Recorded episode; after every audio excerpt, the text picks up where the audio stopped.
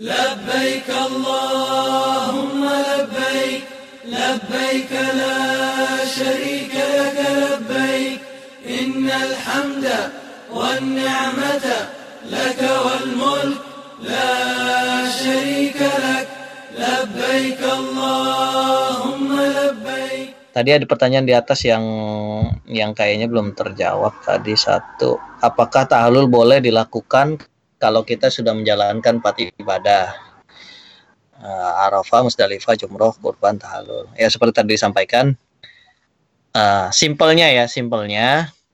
Set, kalau yang uh, ini mungkin mohon di ini buat yang uh, tawaf ifadohnya tanggal 11 12 setelah jumroh dan mendengar kabar kurban sudah dieksekusi secara uh, apa pelaksanaan haji kita sudah boleh tahalul dan lepas ikhram gitu. Jadi nggak perlu ada keraguan tentang itu. Sementara yang tanggal 10 setelah tawaf dan sa'i itu bisa langsung tahalul dan ikhram. Apa melepas ikhram kurang lebih gitu. Nah, terus untuk terkait pintu maknab ini ada ada perbedaan pengalaman ya. Mangga dijelaskan. Kalau tadi pengalaman saya uh, pas balik dari Mekah itu ya karena saya sendiri nggak bersama rombongan sehingga kayaknya agak dipersulit ya sehingga sebaiknya uh, sampai sebelum malam terus ada juga jawaban dari Mbak Ayu mungkin bisa di, dikonfirmasi Mbak Elisan juga boleh mangga silahkan jadi pengalamannya gimana Mbak Ayu kalau pulang uh, lewat Jamarat masih bisa tengah malam atau gimana? Uh, halo, assalamualaikum. Iya. Waalaikumsalam. Hmm, ini aku cek nih di Google fotonya aku jam 00.11 itu aku masih uh, lewat uh, lantai 4 jadi masih dibuka. Oke, okay. masih dibuka ya. Ya itu ya. Jadi jadi ini tergantung pengalaman askarnya sih sebenarnya. Jadi waktu itu karena kita sebenarnya ada jalur yang memang pintu itu untuk menuju ke Mina ya. Nah waktu itu pintu itu kita udah ditutup, diarahkan ke pintu lain. Nah, waktu ke pintu lain itu kita ternyata ditutup juga. Disuruh malah turun ke bawah. Nah, masalahnya karena kita tahu tenda kita di Mina itu cuma bisa diakses dari lantai 4. Kalau kita turun ke bawah malah nggak sampai gitu. Makanya kita ngotot minta dibuka. Nah, di situlah dibercandainnya sama Askar tuh ya. Gitu. Jadi kalaupun kita ya kesulitan kita di situ ya. Kalau ada hal-hal teknis yang kita mau nanya sama Askar, kita berbahasa Inggris, mereka semua belum tentu bisa juga gitu. Itu kesulitannya itu. Sehingga kalau nyasar nanya pun agak sulit gitu. Menjelaskannya dia nggak bisa pakai bahasa Inggris juga. Gitu. Lalu pertanyaan lain, ada rekomendasi tempat rehat yang relatif sepi nggak adem untuk menunggu waktu sholat ketika di Masjidil Haram? Nah ini kayaknya masing-masing dari kita punya punya base camp masing-masing ya, termasuk pola yang berbeda nih masing-masing, gitu. Mangga kalau ada yang mau share, saya agak lupa tuh. Kalau ini ini uh, sebelum yang lain, uh, saya sama istri karena ngerasa uh, ibadah satu-satunya ibadah yang cuma bisa dilakukan di Masjidil Haram adalah tawaf, saat itu kita mutusin uh, ibadahnya banyakin tawaf, gitu. Jadi kita nggak terlalu banyak uh, sholat sunnah juga, nggak terlalu banyak juga tilawah atau zikir. Saya banyakin tawaf karena ngerasanya ya waktu itu sih dapat uh, informasi dari uh, yang lain ya karena tawaf ini satu-satunya cuma ada di Masjidil Haram. Ya udah lakukan aja tawaf sebanyak-banyaknya. Dan kebetulan saya termasuk orang yang tingkat kehusuannya tuh rendah gitu. Jadi kalau tawaf itu kan secara rukun tidak mensyarat, mensyaratkan kita uh, artinya tawaf itu bebas gitu ya. Uh, nggak nggak nggak terlalu uh, terbatas geraknya gitu. Kita uh, keliling tawaf sambil baca doa baca juga boleh atau diselingi supaya nggak terlalu letih dan bosen juga boleh apa masih boleh ngobrol lah beda sama sholat atau tilawah kan yang nggak boleh ngobrol dengan yang lain gitu nah kita mutusinnya gitu Nah, kalau tempat base masing-masing di Masjidil Haram, kita masing-masing punya pengalaman beda. Yang pasti sebelum dan sesudah sholat itu tidak semua tempat boleh dijadikan base camp. Jadi askar akan akan sweeping tuh, bubar suruh bubar gitu, nggak boleh di situ. Nah ada tempat-tempat yang boleh. Nah waktu itu saya lupa di lantai hmm. kal jadi posisi Masjidil Haram itu kan lantai dasar. Lantai dasar tuh yang tempat eh, Ka'bahnya tuh ya, tempat tawaf dan sekitarnya. Lalu ada ada basement juga. Nah, basement tuh lumayan kita di hari-hari terakhir lumayan menikmati istirahat di basement tuh adem. Gitu. Nah, ada yang lantai satu, ada yang lantai dua. Nah, di beberapa spot lantai satu itu kalau nggak salah Oh, saya lupa posisinya ya. Kalau nggak salah sih apa ya ini harus lihat Google Foto juga nih. yang ada yang ada banyak kipas terus bacaannya uh, yang deket tangga ke roof, roof floor. Nah kalau yang lain silakan deh, saya kurang kurang kurang hafal juga. Mbak Mbak Ayu atau Mbak Erni mungkin nih Mbak Erni yang sering lumayan lumayan banyak uh, diriin tenda di dalam Ka'bah nih kayaknya. Yang lumayan sering stay di Ka'bah. Atau Mas Aji uh, Nottingham.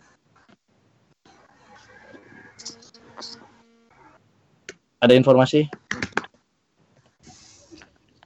Sebenarnya kalau tempat susah juga jelasinnya ya. Emang paling bener hari pertama itu datang survei. Nanti tahu sendirilah oh, berarti di sini enak cuman yang mau aman dari gusuran berarti jauh-jauh dari gate dari gerbang jauh-jauh dari tempat orang keluar masuk sama jauh-jauh dari lingkaran tawaf. Karena kalau dekat-dekat situ uh, kemungkinan bisa di sweep. Kalau pengalaman saya ya Mas Arif ya ada beberapa tempat yang memang dikhususkan untuk jemaah diam dan um, melaksanakan sholat atau mengaji di depan Ka'bah. Hanya saja seingat saya jangan di depan gate uh, King Abdul Aziz. Itu kan tempat masuk kita ya yang dari toilet uh, 13. Uh, usahakan berjalan sampai di depan sumur di mana kita biasanya dianjurkan untuk uh, arah masuk ke untuk sa'i untuk sa'i di daerah situ banyak tempat buat ibu-ibu maupun bapak-bapak yang aman dari gusuran. Jadi itu tempat favorit saya yang ngecamp dan alhamdulillah seingat saya memang tidak pernah digusur. Kalau ada penggusuran bukan penggusuran full, hanya diminta untuk bergeser apakah ke arah depan atau ke arah belakang sebagai uh, karena dalam rangka pembersihan daerah tersebut gitu loh. Jadi jangan selalu mau berada di dekat gate, akan mencari. Iya. Yeah. Kira yang lebih Dari yang lain mungkin ada uh, mungkin kalau yang punya base camp bisa ditunjukin fotonya kali ya, biar tahu nanti karena kalau pakai by listen juga kita sama-sama nggak udah nggak terbayang juga yang nanti bisa ditunjukkan tempatnya. Jadi nanti saat uh, survei hari pertama itu tahu oh nanti di sini gitu. Gitu kira-kira di situ. Jadi nanti Askar akan banyak ngomong tarik tarik gitu. Itu hal yang kita rindukan juga tuh jadi maksudnya ya itu untuk jalan gitu. Biasanya yang nggak boleh memang karena itu uh, apa buat alur jalan atau lintasan tawaf gitu supaya orang nggak mengganggu. Karena memang kalau di haram kalau ada satu jalur stuck itu akan crowded sih. Memang harus uh, flow terus flownya jangan sampai berhenti. Kalau ada yang mau nambahin tempat silakan di attach saja ya. Uh, terus pertanyaan selanjutnya. Saya mau menyelesaikan tanggal 10 dari Mekah ke Mina naik transportasi atau harus jalan? Kalau untuk tanggal 10 kayaknya cuman opsinya bisa cuma jalan karena nggak ada nggak mungkin untuk hmm. uh, transport ya karena itu stuck benar-benar stuck tanggal 10 itu posisi uh, tercrowded itu tanggal 10 kalau nggak salah nih jadi sama sekali nggak disediakan bis kalau tanggal 10 mohon dikonfirmasi kalau ada informasi yang salah. Terus berarti dari manhaj di Mina kita mabit tiga hari ya? Oh di Mina nggak sampai tanggal uh, di Mina itu pertama tanggal 8 malam nih ya. Ini harus dicatat Zulhijjahnya nih. 8 malam itu di Mina. Terus 9 malam itu itu di Musdalifah. 10 malam itu di Mina, 11 malam itu di Mina. Tanggal 12 kita pulang. Boleh juga kalau yang mau tetap stay, tapi kayaknya sebagian besar manhaj pulang tanggal 12 ya. Kita nggak nggak sampai tanggal 13. Gitu. Mas tadi ada opsi 12 yang efektif belum dibahas ceritanya seperti apa. Oke. Ya tanggal 12 efektif itu maksudnya kan kalau yang lain tadi tanggal 10 harus tektok ya. Jadi dari Musdalifah, Mina, Mekah, Mina lagi. Dan nanti setelah dari Mina tanggal 12-nya kan tetap harus pulang ke Mekah. Nah, yang tanggal 12 kenapa disebut efektif? Ya dia nggak perlu tektok. Jadi nanti tawafnya sekalian pulang ke Mekah gitu. Jadi boleh mampir ke boleh mampir ke hotel dulu, taruh barang-barang terus tawaf boleh juga langsung sebelum bawa barang-barang langsung tawaf kalau ngelihat kosong. Biasanya pengalamannya yang tanggal 12 itu pas pulang pas ngelewat Mekah ngelihat Ka'bah tuh kosong nih udah daripada karena godaannya berat ya kalau udah sampai di hotel tuh capek kena AC udah bawaannya pengen lepas semua. Jadi sebagian dari kita ngerasanya udah mendingan abisin dulu dah tawaf sama sa'i sebelum ke hotel. Karena kalau udah di hotel bawaannya pengen istirahat aja langsung karena udah capek banget. Gitu. Jadi efektifnya itu. Jadi cuma cukup sekali jalan. Gitu. Nah terus ini juga pertanyaan-pertanyaan ya. Ini mohon dikonfirmasi sama uh, apa teman-teman haji dan haja yang sudah berpengalaman ini terkait bawaan menuju Mina sih tadi. Uh, apa aja sih yang harus dibawa? Nah itu saya agak lupa tuh. Kalau ada yang mau share mangga cuma secara prinsipnya gini terutama teman-teman yang uh, mungkin ya mungkin ada kendala kalau misalnya harus bawa backpack berat gitu. Misalnya karena ada uh, masalah dengan apa, apa uh, dengan badannya atau gimana gitu. Atau memang uh, nggak direkomendasikan dokter hmm. untuk pakai ransel gitu misalnya kayak gitu nah itu uh, gimana uh, mungkin ada yang mau share duluan nanti Mbak Erni atau tadi ada yang bawa koper gimana tuh teknisnya segala macam kira-kira karena saya agak terus terang agak lupa nih uh, list yang dibawa apa aja untuk uh, menuju Mina. Yang jelas kita nginep di Mina itu kan berarti dari mulai kalau asumsinya berangkatnya tanggal 8 ya. Jadi 8 malam, 9 malam, 10 malam, 11 malam. 4 malam kita nginep gitu. Kalau yang kalau yang nggak nggak pulang ke hotel dulu silakan uh, Mas Hatta atau Mas Aji atau Mbak Erni atau Mbak Ayu atau uh, Mas Aji Thomas Nottingham Mbak Santi Mbak Dani di share dulu yang yang bawaan yang harus dibawa untuk uh, menuju Mina selama empat malam itu dan teknisnya okay. gimana kira-kira? Iya, kalau saya pas kemarin kami membawanya itu yang pasti uh, ihram itu satu aja cukup. Jadi satu lembar atau satu pasang? Satu, satu lembar. Jadi nanti okay, bisa ya. gantian. Ya?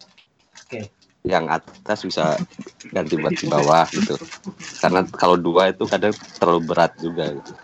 Karena uh, kita ke Mina kan tanggal 8, kemudian tanggal 9 di Arafah, malamnya tanggal 10. Kemudian kita uh, jumroh, jumroh lanjut ke Mekah, terus langsung uh, lepas ihram. Jadi untuk sehari cukup, Insya tanggal 8 sampai tanggal 10. Jadi tanggal 10 karena kita langsung dari jam jum, jumroh ke tawaf ifadah, selesai uh, pada tanggal 10 langsung pas kembali ke Mina kita bisa pakaian uh, biasa. Terus pakai pakai ransel ya? Iya, uh, ransel yang simple aja, terus kemudian obat-obatan, terus vitamin terutama, terus tadi covid itu buat melepuh. sama makanan. Makanan ya. ya itu buat yang bosan-bosan kali ya. Tapi secara prinsip makanan supply di Mina kan lancar ya insya Allah ya. Alhamdulillah lancar. Gitu. Ada. Dari yang lain ada tambahan. Kalau yang Ya. punya pengalaman bawa koper Ya, gimana? Saya akan nambahi, boleh dan Nah, mangga mangga. ya, Assalamualaikum warahmatullahi wabarakatuh. Waalaikumsalam. Eh, pengalaman saya mungkin hampir sama dengan Mas Hatta. Cuman karena posisi kita kebetulan memang fisik harus kuat, yang paling utama menurut saya adalah obat-obatan. Karena pada saat di Mina kita kemungkinan kan tadi ada apa? Ada blower, ada yang kemudian tahun 2015 itu AC. Jadi pada saat panas masuk terus eh, dingin, otomatis kadang badan merasa nggak enak, diperlukan mungkin yang kayak semacam obat untuk eh, yang perlu ditambahin stoknya. Itu obat apa? Sakit tenggorokan terus obat imun terutama. Jadi kita pastikan bahwa tubuh kita itu siap dan pengalaman saya memang harga obat-obatan di eh, Mekah itu cukup lumayan mahal. Itu adapun barang bawaan tas ransel itu secukupnya saja tidak perlu terlalu banyak biar kita simple kebetulan saya eh, yang selesai pada menyelesaikan semuanya pada tanggal 10 ya itu dari saya. Terima kasih. Alhamdulillah. Dari yang lain atau yang punya pengalaman tadi bawa koper gimana teknisnya pas saat ah gimana gimana? Ah, ah, saya kami kemarin ya, saya membawa tas eh, koper yang paling kecil. Kalau tidak salah ukurannya 20 liter. Sebenarnya sih tidak merepotkan dan menurut saya cukup untuk membantu saya memuat segala kebutuhan yang untuk tiga eh, empat hari di Mina dan seterusnya. Karena pada prinsipnya koper yang kita bawa itu akan kita simpan di Mina dan selama pergerakan haji empat hari ke depan itu koper bisa tetap berada di Mina. Uh, jadi kami membawa cadangan uh, backpack. Juga. Jadi suami suami bawa ransel, saya yang bawa koper untuk semua keperluan bersama. Pada Oke. saat pelaksanaan haji inti kami hanya membawa satu ransel. Oke. Ya, kebutuhan penting. Jadi tidak masalah kalau misalnya ada teman-teman yang pengen membawa koper. Saat pulang gimana koper? Saat pulang tanggal 12 kan berarti koper dibawa pulang tuh. Nah, itu gimana teknisnya? Oh, belum. Pada saat kami pulang kan akhirnya balik lagi Mas Aji ke Mina. Oke. Dan lagi- Eh, dari Mina itu pulang baru membawa kopernya ya. Nah, nah, itu gimana tuh? Eh, ya tidak masalah membawa pakai dorongan. Jadi kopernya kan Berarti di di nggak usah diangkat ya, tetap digeret ya gitu ya. ya tidak ada tidak ada kerepotan sama sekali. Malah menurut Oke. eh, saya sangat membantu. Meringankan ya. Memakai memakai back- backpack pasti akan menambah beban eh, ke punggung ya. Oke. Jadi itu ya teman-teman kalau ada yang ngerasa eh, rekomendasi dokter jangan bawa backpack atau pakai ransel itu eh, nggak ada masalah sebenarnya bawa koper atau bawa ransel yang ada rodanya untuk digeret-geret gitu. Terutama untuk mobilitasnya paling itu dipakai mobilitasnya saat eh, pulang terakhir aja gitu ya. Kurang lebih gitu ya. Betul. Uh, satu lagi mungkin rekomendasi buat teman-teman. Jadi ini ini ada dua opsi ya tadi. Kalau yang ngerasa kakinya kuat tapi punggungnya nggak kuat, itu bisa semua diambilnya yang tanggal 10 tawaf ifadahnya. Sehingga bawaan di Minanya itu cukup untuk cuma bermalam tanggal 8 dan 9 malam aja, dua malam. Selanjutnya bisa ditukar di hotel kan karena setelah dari tawaf dan sa'i bisa ke hotel dulu, tukar lagi, bawa lagi barang bawaan yang lain untuk dua dua hari selanjutnya kurang lebih gitu jadi jadi untuk yang ngerasa punggungnya nggak kuat tapi kakinya kuat itu bisa ambil tawaf ifadohnya tanggal 10 sehingga nggak perlu bawa baju ganti. Gitu. Cukup bawa baju ihrom aja. Nanti baju gantinya bawa dari hotel dan ihrom udah dilepas semua di hotel gitu. Itu satu.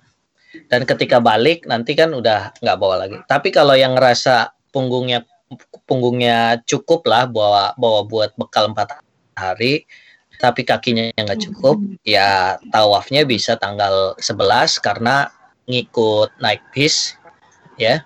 Atau tanggal 12 biar efektif sekalian pulang gitu. Nah itu yang perlu dipertimbangkan empat malam paling ya uh, baju satu baju seminim-minimnya bawa baju satu sesetel sama selembar cadangan ihram. Karena setelah lepas ihram kan kita perlu baju bebas ya gitu. Ya kalau mau bawa dua itu ekstra aja jadi seminim-minimnya berarti intinya cuma satu lembar kain cadangan ihram dan uh, baju nanti kalau pulang ngerasa masih berat juga itu ihram bisa ditinggal juga gitu jadi tinggal baju yang melekat di badan aja sama makanan kan bisa ditinggal. Jadi sebenarnya uh, masih bisa diringan-ringankan lagi lah kurang lebih gitu. Karena perjalanan yang paling berat yang saat pulang tanggal 12 itu ya dari Mina ke Mekah kurang lebih gitu. Lalu bapak-bapak bawa kain ihram berapa? Ini masing-masing beda. Saya termasuk yang lumayan banyak nih bawa. Tapi juga ya efektifnya sih bawa bawa sepasang setengah ya.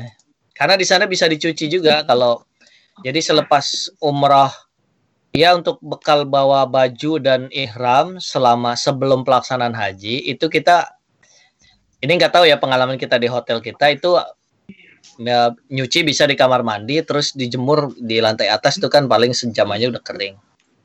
Jadi aman lah gitu jadi nggak perlu bawa banyak-banyak. Gitu. Mohon info ini kalau ada yang mau tambahkan langsung ya? Biar saya bacakan pertanyaannya juga. Oh iya um, mau nambahkan mangga mangga. mengenai ketika tanggal 10 uh, atau tanggal 11 ketika mau tawaf ifadah. Itu kan biasanya dari setelah Jamarot kita kembali ke Mekah. Nah itu lebih baik kita ikutin petunjuk jalan aja. Kadang kita lihat petunjuk dari Google Map kadang bisa sampai kesasar itu pengalaman di hari pertama juga. Iya ya. Karena karena jalanannya bertumpuk soalnya ya. Tingkat Betul. jadi Google Map dan uh, jalanan sebelahan tuh dia bisa jadi uh, agak beda sama kita ya betul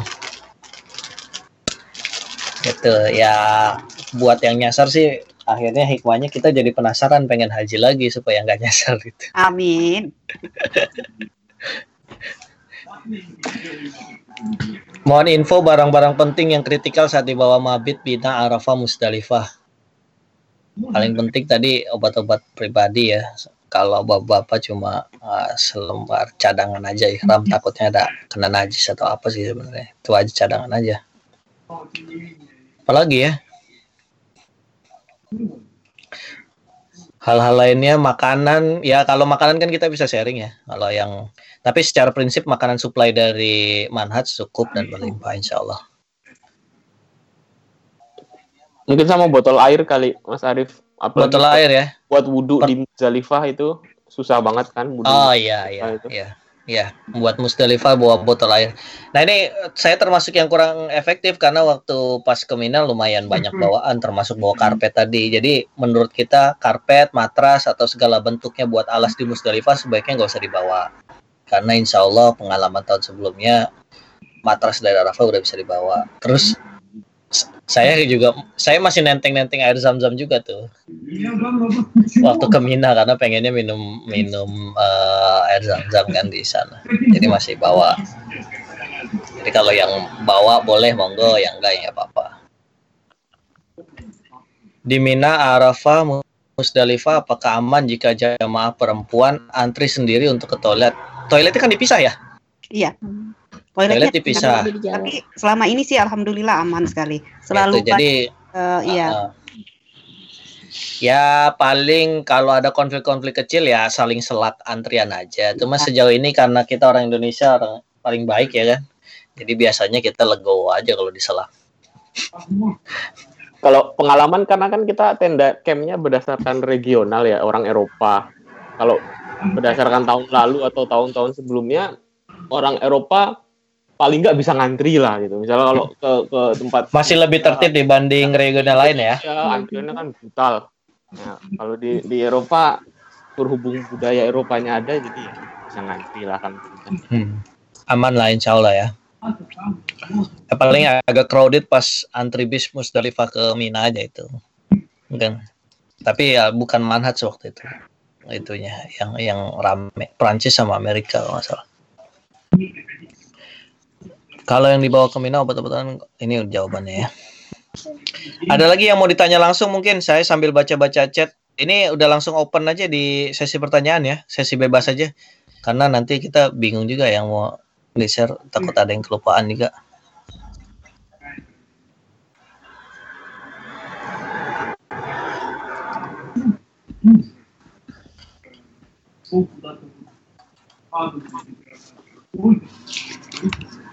Mau nanya ya, Enggak.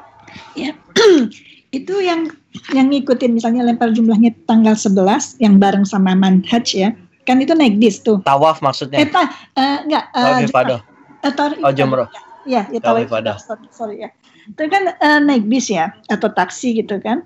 Nah, pas baliknya lagi tadi kan bicara dengan Brother Han, dia bilang baliknya itu langsung lempar jumroh katanya. Berarti baliknya langsung ke tempat lempar jumrah ya, nggak ke nggak ke tenda ya? Jadi kalau yang kemarin pengalamannya karena diinfokannya pagi, Mhm. teman-teman jadinya belum nggak merasa kalau jumroh dulu sempat waktunya sehingga belum jumroh. Jadi naik bis ke Mekah untuk tawaf ifadah, lalu balik menuju jumrohnya itu naik taksi. Oh, Nanti baru dari tempat jumroh balik ke Mina. Betul Jalan. begitu eh, Mas Wahyu dan kawan-kawan tanggal 11 Pak Jerman?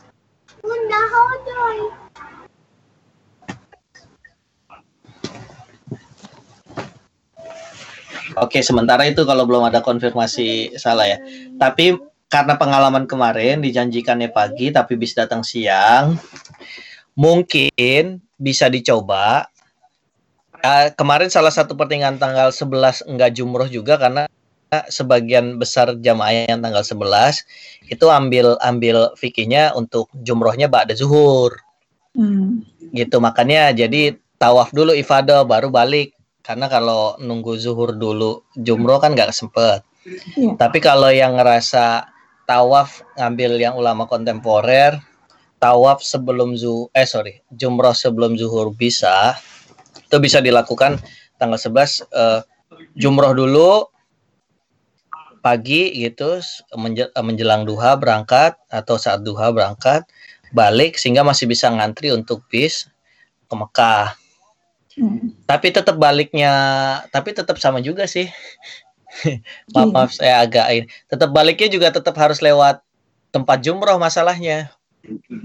Jadi antara Mekah kalau dari balik antara Mekah dan tenda Mina itu ada jumroh, ada tempat jumroh yang wajib kita lewatin. Kalau enggak kita nggak bisa pulang ke tenda.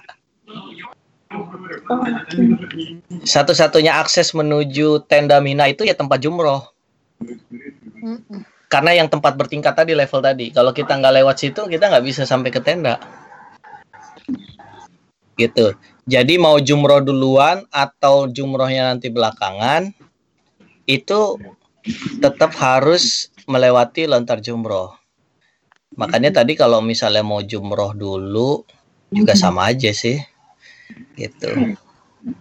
Karena kebetulan sebentar nih yang tanggal 11 mohon konfirmasinya itu bis hanya dari Mina ke Mekah atau plus Mekah Mina atau cuma Mina ke Mekah? Pak Haji Jerman ada online nggak atau Bro Wahyu? Yang ikut tanggal 11 Haji Herman aja, eh, Mas Arif. Oh Haji Jerman ya? Oh iya ya, tanggal 12 ya? Iya, tanggal 12. Iya ya. Haji Herman monitor?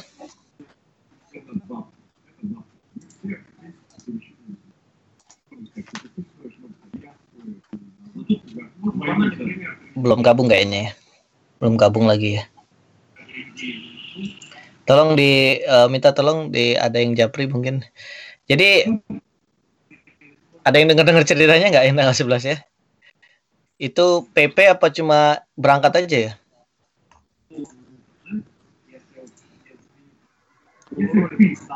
Oke, untuk pertanyaan itu kita hold dulu ya. Nanti sampai ada konfirmasi dari yang ikut tanggal 11. Ada pertanyaan lain atau yang di WA eh, yang di chat belum terbahas?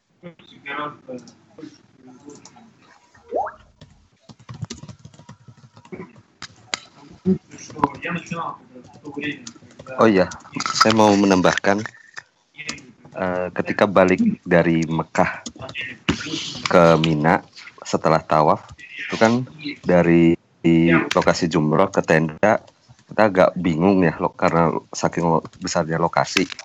Nah itu yang kita harus diingat uh, nomor tendanya bukan uh, maktabnya karena banyak yang kesasar ketika dari Mina sam sampai dengan nama jalannya itu aja. Nah, Haji Herman udah join nih. Assalamualaikum. Herman. Waalaikumsalam. Ini kita mau konfirmasi kalau yang tawaf tanggal 11 itu bisnya PP Mina Mekah terus ke Mina lagi atau cuma Mina ke Mekah aja? Dari Mina ke Mekah aja. Mina ke Mekah aja. Jadi dari Mekah ke Mina naik taksi berarti. Dari Mekah ke Mina kita naik taksi ya. Jadi kita kalau, rombongan brokannya gimana? Kalau kita dari Mina ke Mekah itu uh, kemudian kita uh, drop barang kan? Iya. Barang-barang semuanya, kemudian baru kita uh, sendiri aja naik taksi.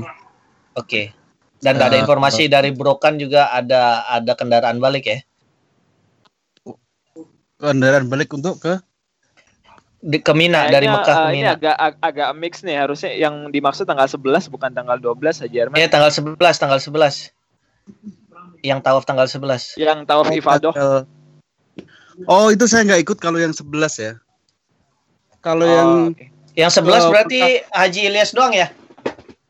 Nah, itu Pak Ilyas ya, Pak Ilyas saja. Pak Ilyas saja ya, itu ada variasi itu juga itu. Pak ya, ya. Pak Ilyas sama Cuman... Bu ini uh, sama Bu Tara. Betul. Iya, oke. Okay. Kebetulan dua-duanya sudah di Indonesia jadi kayaknya nggak belum belum gabung online. Kalau nggak salah ya sejauh saya ini itu ya, balik ya, juga ada ada ada bis juga. Ada bis balik tuh. Jadi ke ke Mekah, kemudian dia ada bis balik juga. Langsung ke Mina ya? Langsung ke Mina, balik ke Tenda lagi. Sebentar saya tanya okay. saya. Minanya Mina Jumroh apa Mina Tenda? Mina Tenda, Mina Tenda. Nggak mungkin Mina Jumroh. Oh, oh maaf. Konfirmasi nih, uh, baliknya pakai taksi. Oh, Oke. Okay. Jadi cuma um, one way aja ya? Iya. Jadi cuma okay. berangkatnya aja karena kan memang mungkin susah ya untuk koordinasinya untuk baliknya lagi kan karena kan tuh uh, jamaahnya kan banyak tuh. Oke. Okay. Jadi konfirmasi untuk yang tawaf tanggal 11 hanya disediakan ya. one way ya, mau ya. jumroh sebelum berangkat naik bis atau sesudah secara pathway-nya sama harus tetap balik ke sana juga ya. Ya. Jadi betul. tanggal 11 itu ya tetap bolak-balik sama juga capeknya sih cuma hemat satu jalan aja balik ke Mekah ya. Iya.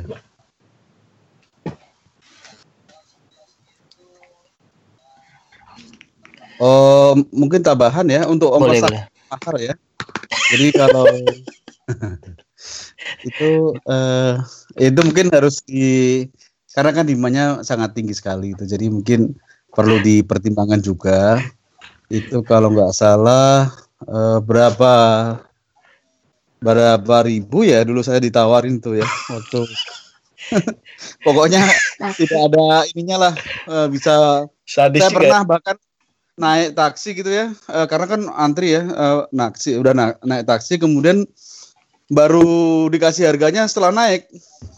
Ya Allah. Wah, harganya langsung berapa puluh ribu ya berapa ya itu pokoknya mahal sekali lah ya mungkin berapa juta itu kalau dirupiahin ya saya langsung turun aja minta turun aja jadi berapa lebih mungkin empat ratusan tuh berapa ya Oke okay ya. Oh, family jadi gitu. jadi hikmahnya kalau naik taksi di dulu. Jadi semua yang berkaitan dengan di Saudi ya tanpa mengurangi rasa hormat kita sama brother-brother kita di sana, sebaiknya segala hal itu semuanya dikelirkan transaksinya akadnya ya. Oke. Okay. Untuk bawa dari Hotel Karam hanya sendal Quran Oke. Saya sambil ah, kalau ada pertanyaan selanjutnya emang enggak ya? Saya sambil baca pertanyaan yang lewat chat ya. Kalau wanita alas kaki juga perlu cadangan kan di dalam masjid harus. Sekali lagi untuk yang di dalam haram yang pakai alas kaki pengalamannya kayaknya cuma saya doang ya. Gitu. Karena terus terang saya nggak kuat karena tadi ibad karena saya memang pengen optimalinnya tawaf gitu dan kita senangnya tawafnya di lantai satu jadi agak santai itu totalnya lumayan kok berapa kilo gitu ya kalau tawaf lantai satu itu sekitar 5 kilo kalau kalau nggak salah saya pakai aplikasi itu Maksudnya ganti baju dan mandi biasa pas ihram. itu.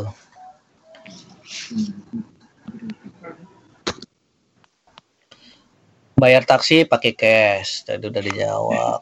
Ada yang bawa alat bekam. Nah kalau itu kita nggak punya pengalaman untuk jawab itu. Kalau dibilang boleh ya boleh. Cuma secara hukum dan lain-lain kita belum pernah ada yang uh, menuju ke sana karena terus terang belum punya pengalaman jadi mangga dicari ada lagi pertanyaan selama seputar pelaksanaan haji nih yang puncaknya selama pakai ihram sebelum tawaf ifadah boleh ganti baju ihram. Uh, boleh tadi selama pakai ihram sebelum tawaf ifadah boleh setelah tanggal 10 diumumkan kurban kita sudah dieksekusi itu kita langsung tahalul dan lepas baju ihram. Jadi nggak nggak mesti jadi pilihannya mau lepas ihram itu ada dua setelah kita tawaf ifadah atau setelah kita mendengar uh, kurban kita dieksekusi gitu. Jadi sekitar tanggal 10 siang sih udah kayaknya belum sampai zuhur kita udah udah eh udah sampai zuhur belum ya? Udah ya berarti ya. Karena kita agak sorean ya, karena kita tawafnya setelah setelah agak sore sih agak santai. Panasnya waktu kosong gitu. Terus habis itu habis tawaf tanggal 10 kita terima kabar sudah di kurban.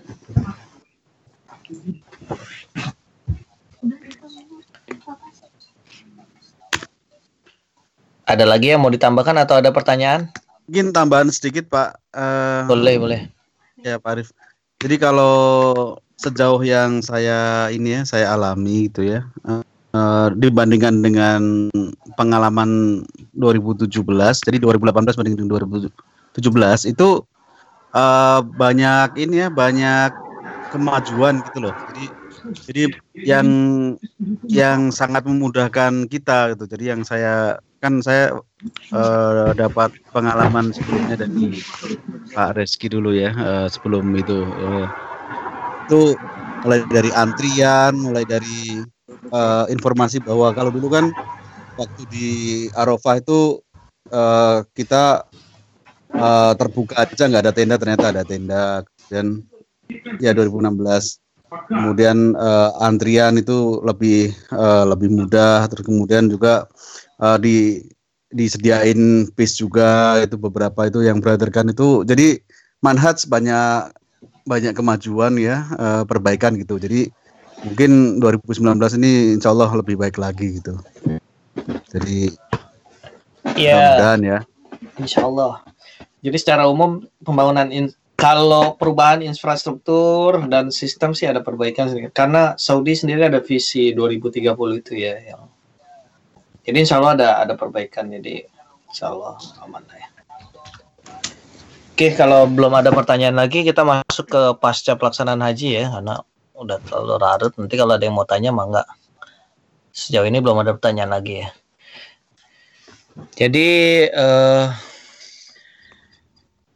Mangga dari siapa nih ya yang uh, Mas Haji Nottingham bisa share uh. tentang pasca pelaksanaan haji dengan Haji Herman sekalian berdua gantian uh, dari Mas Haji dulu Nottingham itu setelah pelaksanaan haji kita selesai tanggal 12 terus kan masih ada sisa waktu sekitar buat yang dua minggu itu dua hari atau tiga hari itu ngapain aja terus yang tiga minggu juga kan lumayan tuh.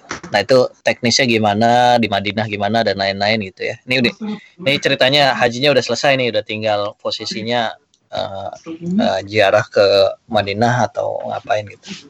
Enggak, Haji Thomas.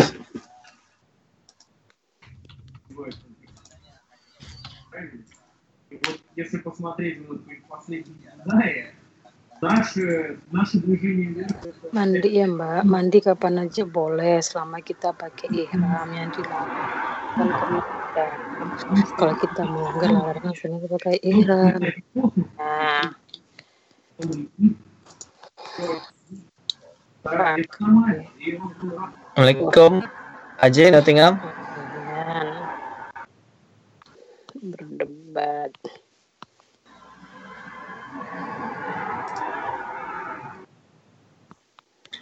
Atau Haji Herman dulu mungkin bisa mau share sama Bro Wahyu eh, pasca pelaksanaan haji gimana kira-kira setelah Oh, itu? kalau pasca pelaksanaan haji, eh, ya mungkin kita eh, kondisinya lebih banyak ini ya? Eh, sudah kan acaranya sudah puncak, udah eh, puncak hajinya udah selesai. Kemudian kita lebih banyak, lebih banyak ber apa ya menikmati ini ya. Jadi sholat sholat ke Masjidil Haram itu kan jadi kan kita bisa mungkin untuk lima waktu itu kemudian juga lebih banyak juga mengeksplor kota Mekah karena ya mungkin eh, ya eh, belanja ataupun eh, makan ataupun ini ya menikmati kota Mekah lah karena kan kita cuma pendek ya waktunya cuma eh, tinggal eh, berapa ya? dua hari atau tiga hari Ayo dua hari apa tiga malam kita dua malam atau tiga malam? Kayaknya nggak sampai tiga malam deh. Iya nggak nyampe tiga malam. Jadi eh karena kan kita langsung dari dari Madinah nanti terus udah langsung ke Jeddah lagi kan. Jadi udah nggak ke kota Mekahnya. Jadi eh lebih ke ini aja. ya. Jadi lebih eh, lebih ke memulihkan eh, fisik juga. Oke. Kira-kira seperti itu sih. Eh Mas Wahyu ada tambahan pasca pelaksanaan haji gimana kira-kira? Iya, eh, mungkin tambahan dari saya.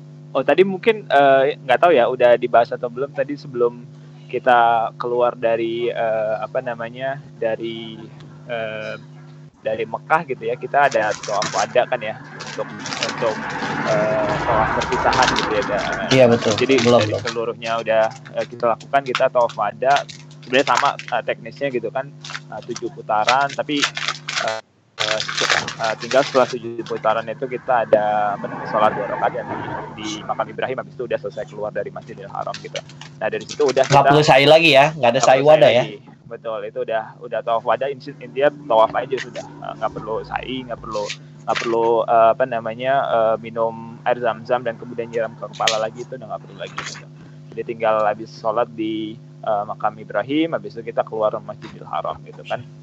Nah eh, dari situ kemudian kita eh, menunggu tuh biasanya kan menunggu untuk em, apa namanya eh, datang bis lagi tuh ya kan eh, datang bis untuk eh, berpindah dari Mekah ke eh, Madinah gitu.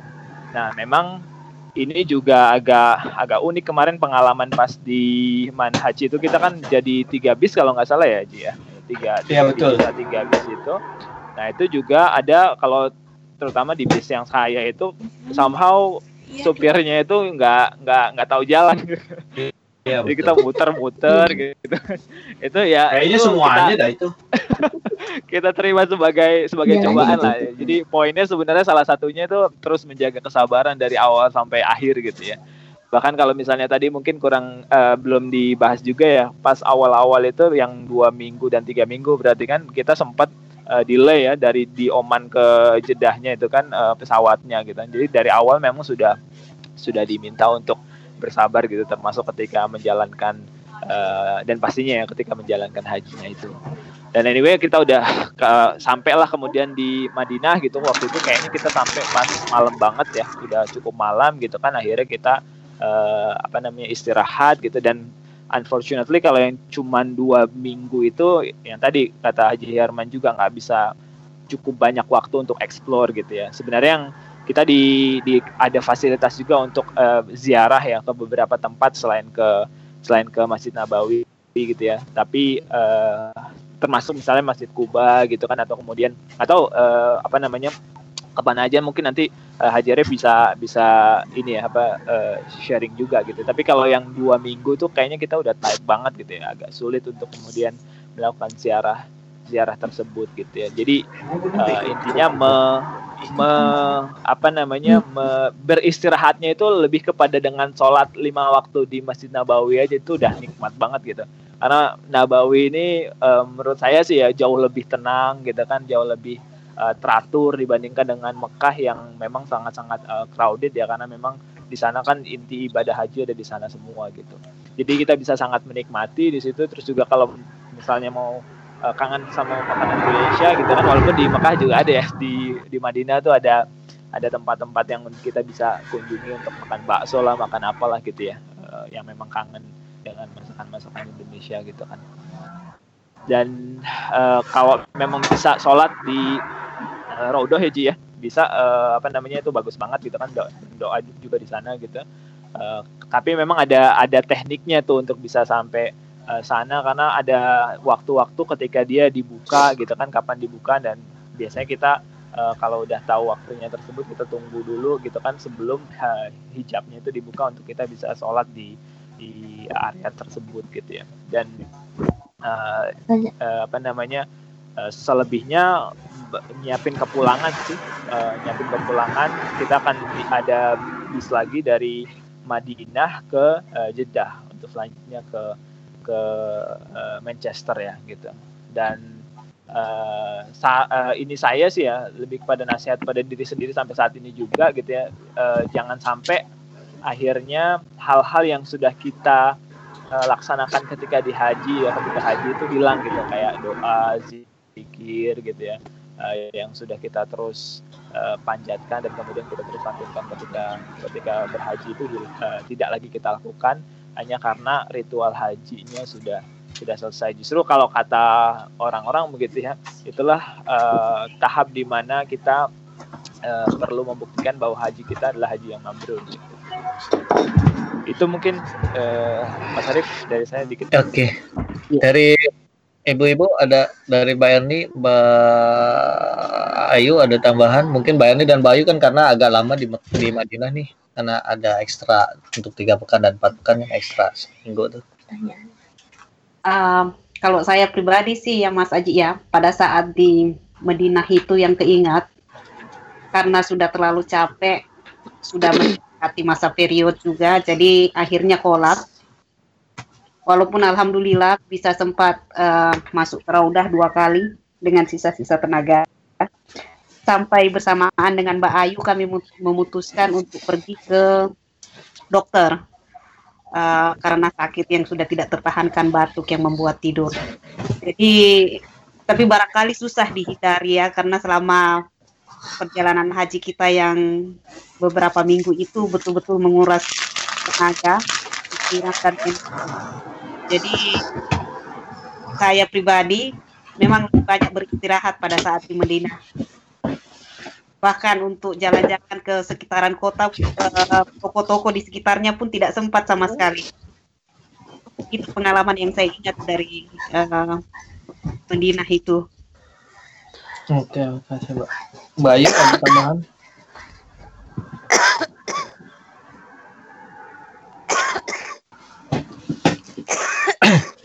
Baik, uh, nanti kalau ada tambahan menyusul silakan ya. Ini saya jawab jawabkan dulu eh, pertanyaan-pertanyaan yang dari chat. Nih.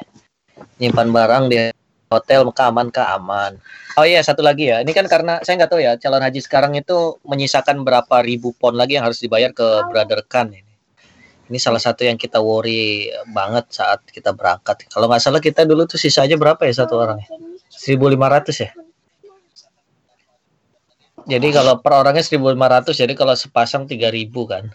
Nah itu kan kita khawatir banget bahwa duit 3.000 jalan eh, apa ya selama biasanya sih bapak-bapak buat tas pinggang ya. Jadi ditaruh duit ya semuanya ditaruh tas pinggang yang nempel ke badan. Nah setelah sampai di sana, setelah dapat kamar, usaya upayakan minta brotherkan untuk segera di apa kita bisa melakukan pelunasan aja. Diingetin terus meskipun dia akan akan menolak terus di awal-awal. Ya mungkin hari kedua bisa lah dibayar karena dia juga dia juga nggak dia juga nggak mau ngambil resiko untuk megang duit semua di tangan dia kan. Gitu dia ya gitu. Jadi memang duit yang kita bayarkan tuh sebagian dia mau dibayarkan di sana karena memang ada beberapa transaksi yang dia baru bayar itu di sana. Gitu. Jadi sebisa mungkin nanti selain tadi request kamar uh, kalau bisa orang Indonesia dengan orang Indonesia aja gitu. Ya satu itu lagi dikomunikasikan ya terutama buat eh, yang selama ini berkoordinasi dengan Brother Khan sama Bro Said untuk segera, segera melakukan pelunasan itu segera gitu. Dan bukti-bukti pelunasan juga uh, di dibawa gitu. Karena kemarin sempat ada yang sudah bayar tapi belum tercatat gitu. Tapi Bro kan santai orangnya ketika kita kasih bukti dia percaya insya Allah gitu. Terus untuk SIM card, uh, jadi nah, ini setelah landing di Jeddah ya. Jadi jangan dibayangkan Jeddah itu airportnya sama seperti airport selama kita transit di Dubai, Abu Dhabi, Manchester gitu ya. Ini memang memang memang bandara haji ya pas waktu landing baru datang itu ya fasilitasnya minim lah. Tapi alhamdulillahnya karena sejak 2018 kan jamaah Indonesia yang dari Indonesia itu check innya udah langsung di Indonesia. Jadi itu sangat mengurangi antrian tuh. Jadi pas saat kita turun pemeriksaan visa dan lain-lainnya itu nggak terlalu antri lah Insya Allah Alhamdulillah. Dan ada juga petugas-petugas haji Indonesia yang standby dia akan tanya kita orang Indonesia apa enggak jadi kalau kita bingung kita boleh tanya-tanya mereka kok santai aja. Dan prinsipnya setelah sampai di Bandara Jeddah itu ada waktu yang cukup lama kita cuma menanti bis aja nanti. Nanti akan diinfo bis kita yang mana. Nah, selama merasa menunggu itu di situ ada marketing market, sales-sales SIM card tuh yang dia akan ngasih SIM card gratis. Nah, satu satu hal ya, ini satu hal yang tertib di Saudi itu tentang SIM card. Di sana itu satu orang satu SIM card nggak bisa kayak di sini bisa ganti-ganti seenaknya karena SIM card digunakan menggun apa uh, registrasinya menggunakan sidik jari dan salah satu di stiker yang kita dikasih sama Manhaj di paspor itu nanti ada stiker itu yang dia minta untuk jadi dat untuk nuker jadi SIM card. Kalau stiker itu kita buang nanti itu kita jadi nggak bisa dapat SIM card. Jadi nanti akan akan akan dapat akan dapat stiker dari Manhaj atau dari petugas bandara gitu. Ah, saya agak lupa ya kalau nggak salah dari Manhaj. Nah, itu disimpan baik-baik. Nanti salah satunya stiker itu kan ditukar untuk uh, register SIM card dan uh, dia akan pakai sidik jari. Nah, sebagian dari kita ada yang nggak pakai karena takut ya. Sebenarnya nggak usah takut, pakai aja. Tapi akhirnya kalau yang nggak pakai waktu itu, akhirnya malah baru beli di dekat hotel sehingga SIM cardnya itu jadinya beli bukan gratis. Gitu. Jadi kalau ada yang nawarin gratis, ambil aja. Tinggal kita isi isi top up-nya aja kita mau paket yang berapa di hotel ada wifi tapi jangan berharap banyak lah ya. Namanya juga uh, ya sangat jauh beda lah di sini. Wifi waktu di hotel kita cuma ada di lobby aja nggak sampai ke kamar kok. Gitu. Uh, apalagi ya? Kunci kamar apa kita pegang masing-masing? Kunci udah dijaga. Kunci kamar satu kunci itu eh satu kamar satu kunci. Jadi biasanya yang pegang siapa yang mau masuk itu akan koordinasi. Tapi pihak hotel biasanya punya kunci cadangan. Kalau yang megang kunci nggak me nggak belum datang dia akan bukain.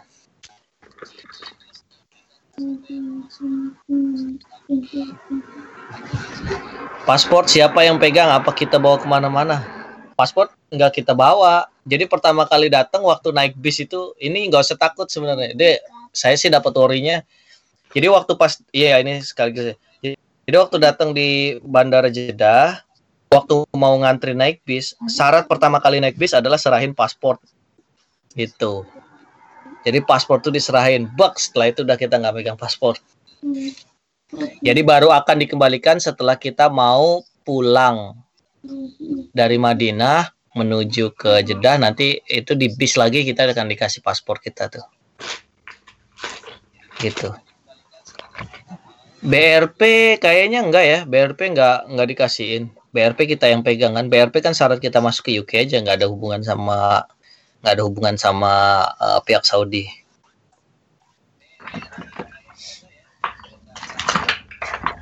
Mohon konfirmasi benar begitukah tentang paspor?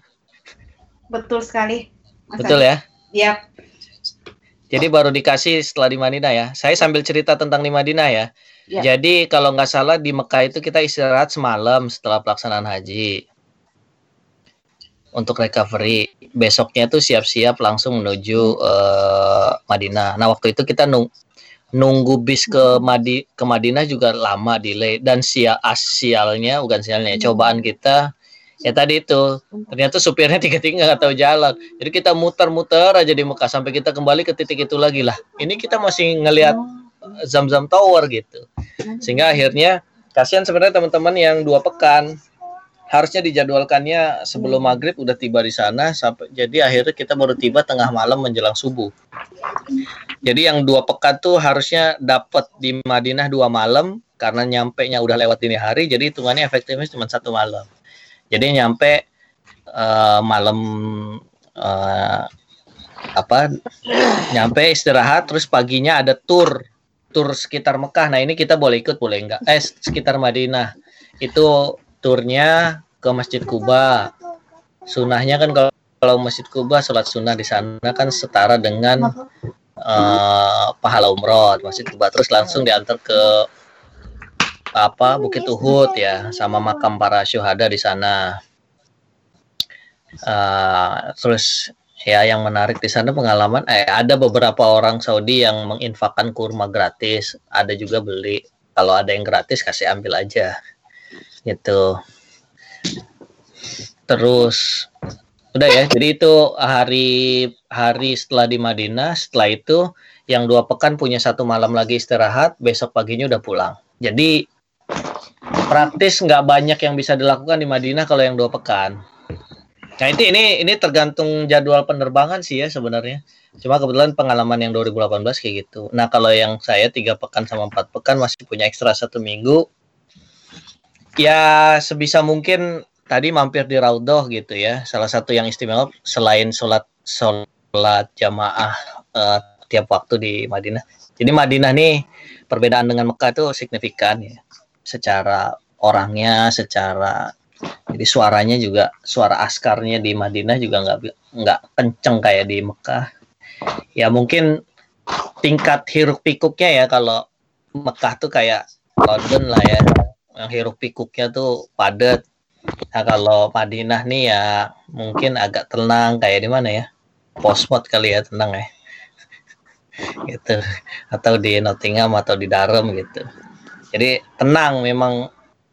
Benar-benar tenang. Nah waktu itu memang kebetulan kita uh, yang dua pekan kita karena bergerak duluan waktu itu Madinah masih sepi. Jamaah Indonesia yang belakangan datang tuh belum datang ke Madinah jadi masih agak leluasa Raudoh juga belum sepenuhnya. Gitu. Nah untuk Raudoh saya agak lupa ya. Seingat saya saya waktu karena saya tiga pekan jadi lumayan. Untuk Raudo saya lumayan beberapa kali sih. Untuk Raudo itu kalau mau strateginya biasanya saya habis subuh, habis subuh nunggu suruk tungguin aja. Jadi kalau Raudo ini nggak crowded kayak kita kalau mau mau coba mendekat ke Hajar Aswad ya. Jadi dia ada sistem ada sistem antriannya berdasarkan layer-layer yang dibatasi sama uh, pagar-pagar uh, temporer spanduk gitu. Jadi per kotak per kotak gitu. Jadi selama sabar menunggu, Raudoh itu pasti kebagian. Udah intinya gitu aja. Jadi tinggal kita lihat aja antriannya panjang apa enggak. Kalau misalnya sekiranya enggak panjang, ikutin aja. Dan satu kotak itu juga sama askarnya dia udah kelihatan nggak bakal berdesakan bener-bener. Kalau bisa sih kalau saat antrian ambil antriannya di bagian belakang aja. Kalau bagian depan mereka ketika baru dibuka pintu akan lari buru-buru padahal nanti dapat kesempatannya sama aja jadi sebaiknya di belakang aja nggak usah lari dan belakang tuh biasanya masih ada space sekitar setengah sampai satu meter nah biasanya saya pengalamannya ambil yang belakang jadi bisa bisa duduk-duduk. Antrinya bisa duduk kalau bagian depan nggak mungkin duduk diri. Karena udah dipepet sama baris kedua ketiga keempat selanjutnya. Gitu. Jadi ambil paling belakang. Jadi waktu antrian pertama boleh misalnya di depan tengah, tapi ketika pintu spanduk dibuka pertama kali, udah jalan santai aja biarin mereka di depan, kita di belakang. Nah di situ bisa ada area setengah meter minimal bisa duduk. Nah pas saat masuk raudohnya pun kalau barisan paling belakang nggak usah buru-buru. Nggak apa-apa yang depan duluan tuh nanti mereka dapat raudoh. Bisa jadi yang belakang nggak dapat raudoh atau dapat raudohnya. Biasanya kalau yang paling belakang dapat raudohnya sap yang paling belakang. Nanti ini malah malah enak. Nanti yang diusirin itu yang sap-sap depan dulu. Jadi kalau yang masuk raudohnya belakangan sabar aja nggak apa-apa. Masuk nanti sholat di sap belakang. Nanti udah sap belakang disuruh suruh pindah sama askarnya. Nah, kita pindahnya ke tengah, jangan langsung keluar. Pindah ke sap tengah atau satu baris na naju. Nanti udah sholat lama lagi atau zikir lama, diusir lagi, maju lagi satu baris. Sampai akhirnya kita jadi paling lama. Gitu. Kalau sap paling depan udah usirnya langsung keluar. Itu sih. E, dan sisanya selanjutnya karena kita merasa ada amalan yang lumayan ringan untuk dilakukan yaitu sholat sunnah di Masjid Kuba dengan ganjaran setara para umroh. Jadi hampir tiap malam kita ke sana tuh habis sholat isya atau maghrib ya. Karena ada ada transport umum bayar cuma tiga real ke Masjid Kuba. Itu ada dari banyak pintu ya, ada nomornya ya. Jadi kalau kita tuh kemarin hotelnya di sisi kanan belakang uh, Hotel Nabawi. Nah, bisnya itu ada di ada di banyak sih, ada yang hampir di setiap sudut ada bis itu. Jadi dia akan PP dari masjid di masjid Nab Nabawi ke ke Kuba. Nah, kita sholat sunnah biasanya kayak gitu. itu aja sih cuma uh, apa lagi ya? Se, uh, itu sih pasca pelaksanaan haji uh, di Madinah rata-rata tepat termasuk saya yang di Mekah kelihatannya baik-baik aja di Madinah itu udah mulai batuk sehingga tidur saya selama sepekan lebih itu ya khawatir mengganggu orang ya. Sampai saya balik ke sini masih batuk kayaknya. Lumayan lama recovery-nya gitu. Ada tambahan dari yang lain?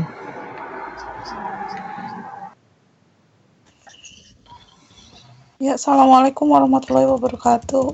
Salam warahmatullahi Saya mungkin nambahin sedikit aja, tidak terkait teknis. Um, dari pengalaman saya karena sejak awal sebelum berangkat saya banyak yang saya khawatirkan mengingat uh, kondisi saya gitu yang punya uh, dulu pernah punya penyakit kronis. Jadi banyak yang sebelum berangkat tuh saya banyak khawatir terkait teknis uh, juga terkait uh, fisik saya. Tapi uh, Ya, BRP emang udah jaminan paspor ya? Enggak. Udah, udah. Halo. untuk untuk student ataupun pendatang yang dat yang masuk ke UK setelah saya tidak tahu pastinya ya setelah 2014 2015 2015 ya 2015 BRP-nya memang uh, di attach ke paspor. Jadi uh, sorry uh, BRP-nya sudah memakai kartu residensial kartu begitu. Jadi beda dengan paspor yang sebelumnya seperti punya saya, uh, BRP-nya itu terattach di paspor.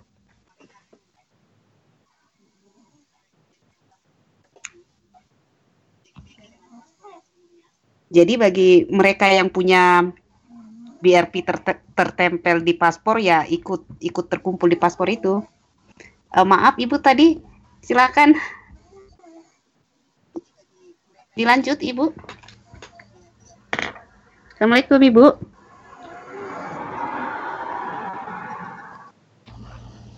Assalamualaikum. Tadi Mbak Santi ya? Maaf tadi agak apa Mbak Ayu? Ini agak mic-nya terlalu sensitif nih. Iya. Mbak Santi. Oh, Mbak Santi. Ya, ya, ya. Kedengeran nggak? Kedengeran. Kedengeran, mangga dilanjut. Tadi agak kepotong saya harusnya unofficial ngomongnya. Mic-nya terlalu sensitif masa kedengeran juga Mangga, mangga dilanjut, dilanjut. Maaf, maaf. Silakan, Mbak. Kenapa? Ya, ya. Ya intinya ini sih saya cuma mau berbagi terkait manajemen ekspektasi ya. Hmm. Karena kan saya yaitu punya pengalaman dengan penyakit kronis, kemudian uh, nggak waktu itu sempat khawatir kondisi fisik. terus tipe orang saya juga yang khawatiran mungkin ada yang seperti itu juga uh, tapi ada satu resep dari teman saya yang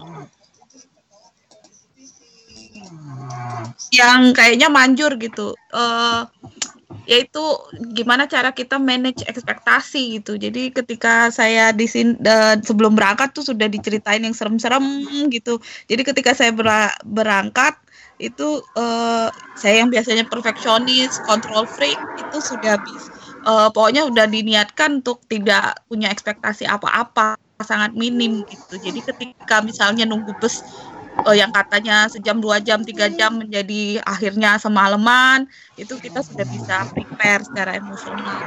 Dan uh, banyak hal yang mungkin tidak sesuai dengan yang uh, direncanakan juga.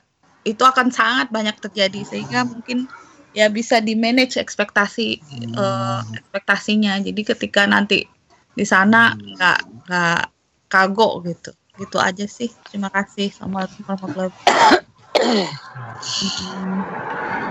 ada pertanyaan lain? Atau ada tambahan? Pertanyaan dulu deh ada pertanyaan. Kalau ada yang pertanyaan mangga bebas sudah sesi bebas saja ini. Sesi pas pasca itu udah selesai kayaknya. Ya,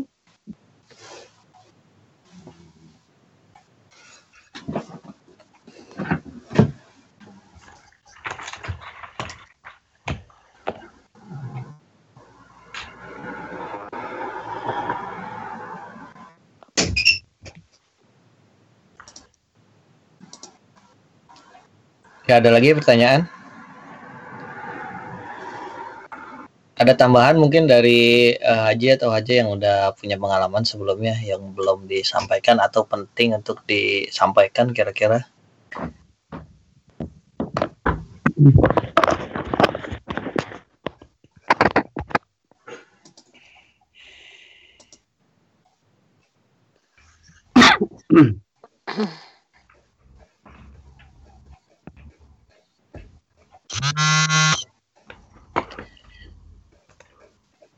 Oke, kembali saya tanyakan lagi. Uh, ada pertanyaan buat ini berhubung sudah lumayan larut juga. Kalau memang ada pertanyaan silakan. Kalau memang sudah jelas semua dan tidak ada tambahan bisa kita akhiri insya Allah. Saya tambahkan dikit aja Pak. Boleh, uh, boleh Mangga. Uh, jadi uh, saya ingat ini pengen berbagi aja. Jadi uh, dari awal ketika mau haji kan kita uh, anasik gitu ya. Jadi juga selalu diingatkan untuk uh, karena kan ini urusan besar ya haji itu. Jadi supaya pahalanya uh, benar-benar ke kita atau jadi haji mabrur itu kita juga jangan sampai terhindar dari sifat-sifat uh, untuk uh, lain ya. Jadi mungkin uh, misalnya kita jangan sampai uh, apa foto ataupun yang atau Facebook atau yang lain lain yang bisa menimbulkan menimbulkan uh, berkurangnya pahala haji kita. Jadi kira-kira itu uh, ya penting ya. Jadi itu salah satu mungkin ini udah disampaikan di awal tadi tapi mungkin uh, kalau belum ya uh, bagus untuk di itu ya di emphasize lagi itu kira-kira seperti itu. Baik. Makasih banyak Pak Herman.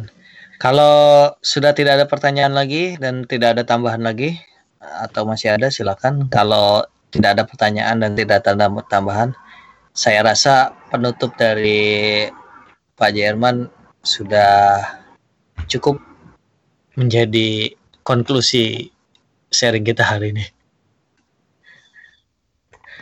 Oke terkait Zamzam itu ya, jangan sedikit ya. Uh, bandara saat kita datang dan pulang itu sama-sama di Jeddah, tapi beda. Kalau bandara pulang itu agak lebih bagus sudah. Terus saat untuk air Zam-Zam nanti kita bisa minta dengan uh, ngasih paspor ya.